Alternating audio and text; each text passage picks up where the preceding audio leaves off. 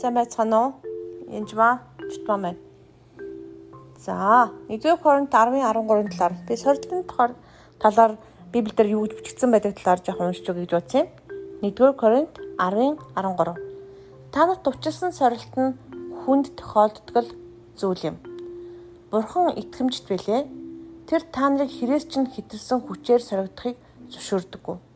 Харин сорилтыг төсвөрлөж чадахын тулд сорилттой хамт мөн гарах замыг ч өгдөг юм.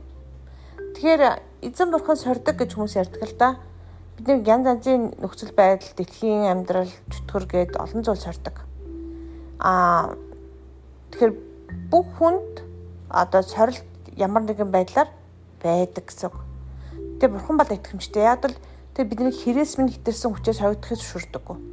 Тэгээ янз бүрийн байдлаар сорилт ирж байгаа юм бол бурхан бас тодорхой хэмжээр хамгаалж хайрлаж тэр сорилтанд төсвөрлөх төвчээрийг дээрэс нь бас гарах замыг ч гэсэн бас өгдөө гэж ойлгож байна. За яагаад вэ гэх юм бол тэр буруу зүгээр зүйлээр бурхан намайг сорьсон гэж ярьж болохгүй. Яг бол нэгдүгээр Яохын 1-ийн 12-17 уншиж өгье. Сорилтыг төсвөрлөдөг хүн ерөөлтөө ёо. Учир нь тэр соригдчиход эзний өөрийг нь хайрлаж дамсан амин тэтмийг хүлээн авна хинт сордогтоо бурхан намайг сорж байна гэж бүү яриг. Учир нь бурхан бузар муугаар сордоггүй бөгөөд өөрөө хэнийг сордоггүй. Харин өөрийн хүсэл тачаалтаа автаж уруу татагдах үедээ хүн бүр соригддог. Тэгээд хүсэл тачаал нь үр тогтоон нүглийг төрүүлдэг. Нүгэл нь биелээ болохоор үхлийг авчирдаг аж.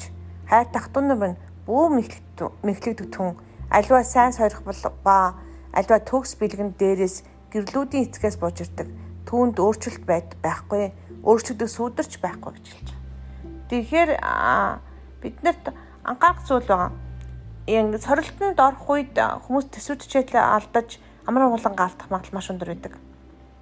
Тэгхүүнд бол өөрийнхөө сүнсийг захарж сурах явдал маш чухал. Сүнсээ захардаг хүмүүс сэтгэл санаа болон бие махбодоо захирахад боломжтой байдаг. Өөрийнхөө сүнсийг захирдаггүй хүн бол эргэн тойрондоо хэрэм босгоогүй нурсан хот буюу гэж сургаал төгс 25-ын 28. Тэгэхээр сүнсэд захирдаг хүн бол яг хэрэм бат хэрэмтэй адилхан мод дотшоо юмыг оруулдаг гэсэн. Ялангуяа сэтгэл санаа, оюун бодлороо бодрууга юмыг оруулдаг. Их бузар суусны тайлд голцоо өтер сорилтууд тагтлаганд болдог л доо. Тэгэхээр сүнс нь хүчтэй хүн, өөрийнхөө сүнсийг захирдаг хүн бол эргэн тойрондоо яг хэрэм барьсантай адилхан хүн байх нь. Харин захирахгүй үед хэрэмгүү тэгээд бүр зүгээр нурцсан хотшоо гэж хэлж байгаа. Зүгээр ч хот биш. Тийм учраас өөрийнхөө сүнсийг захирах, өөрийнхөө сүнстэй сүнсний сүнсийг ойлгох явдал а ялангуяа бас ариун сүнсийг мэдэх явдал, сүнслэг зүйлүүдийг мэдэх явдал бол маш чухал байгаа. Тэгэхээр мэдээж мэдээж ертөнц биднийг сорж идэг. 1-р Иохан 2:16-аас 18. Учир нь ертөнцид байгаа бүхэн тухайлбал махан биеийн хүсэл тачаад, нүдний хүсэл тачаад, амьдралын бардан багтал нь эцгээс бос. Харин энэ ертөнцөөс ирдэг юм. ертөнц хийгээд түүний хүсэл тачаал нь өнгөрнө. Харин Бурхны хүслийг үлддэг нэг нь мөнхөд оршдог. Нийлхсаа энэ бол эцсийн цаг. Христийг эсрэгүүцэгч нь ирж байна гэж та нар сонсончлон одоо ч гэсэн Христийг эсрэгүүчэд олноороо гарч ирж байна. Энэ нь эцсийн цаг гэдгийг бид үнээс мэднэ гэж байна. Тэгэхээр үнэхээр эцсийн цагт бид нэр амьдарч байгаа гэдгийг юусоо мартаж болохгүй. Тэгэхээр сорогдохгүй тул сэргэг бай, залбир сүнс хүсэж байна харин махан би сул дорой юмаа гэж Матай 26-гийн 41 дээр Иесус хэлсэн байл да Питерт. Тэгэхээр сүнс бол үргэлж сайныг хүсэж идэг байна. Харин махан би сул дорой. Аа тийм учраас бид нар сорилтонд унах магадлал ихтэй байдаг. Ялангуяа ертөнцийг хүсэл тачаалт.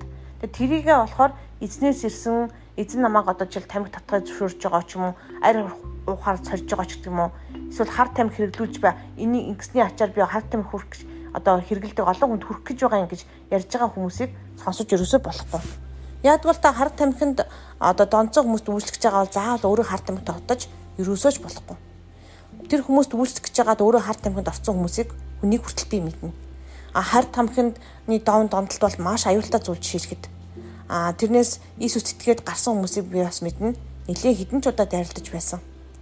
Тэгэхээр дэлхийд цогдож байгаа сорилтуудаар өөрийгөө соригдчоод өөрийнхөө гим нүглээс болоод а эсвэл үнэхээр дэлхийн сорилтоос бол согдож байгаад өөрийнхөө хүсэл тачаал нүдний хүсэл тачаал энэсээ согдчоод эзэн намайг сорилоо гэж ярьж өрөөсөө болохгүй.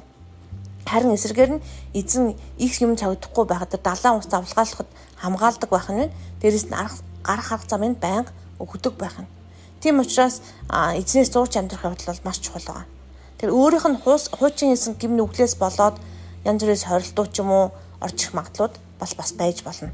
Тэгэхээр та бүхэнд хэлэхэд янз бүрээс хорилт болох юм бол эзнээс зураад мэрэгүү ухаан гуугаад төсвөрлөнэ гэсэн үг.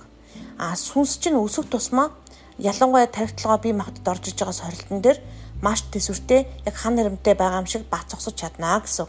Дайсан гадаа үнэхээр гадаа бороо шорго орж исэн ч хаан байшин дотор сууж байгаа хүн бол ямар ч аюулгүй тэрийг мэдрэгчгүй байж байж л байдаг.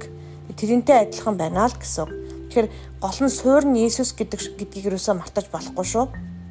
За тэгээд эзэн энэ хүн сонсогч бүрийн дотор хүн хүчтэй байх болтгоо. Альва одоо дэлхийн дээр сорилтонд орохдоо төсвөр төвчээртэй байж та түд нарт бас арга замыг өгөх болтгоо эзэм нь бид нар ч гэсэн арга замыг өгөх болтгоо эзэм нь тань үнэхээр баярлалаа. Тэгээд альва сорилтыг төсвөрлөх а төсвөр төвчээрийг өгөөрөө. А тэгээд бас түүний гарах арга замыг өгөөрөө эзэм нь а тэгээд бидний доктор хүмүүсийг та хүчтэй болгож өгтөн тэгээд бидний сүнс ариун сүнстэй нэгдмэл болно нийлэх болтугай. Тэр үед ариун сүнсний үр жимс хангалттай урах болтугай эзэм нь танд баярлалаа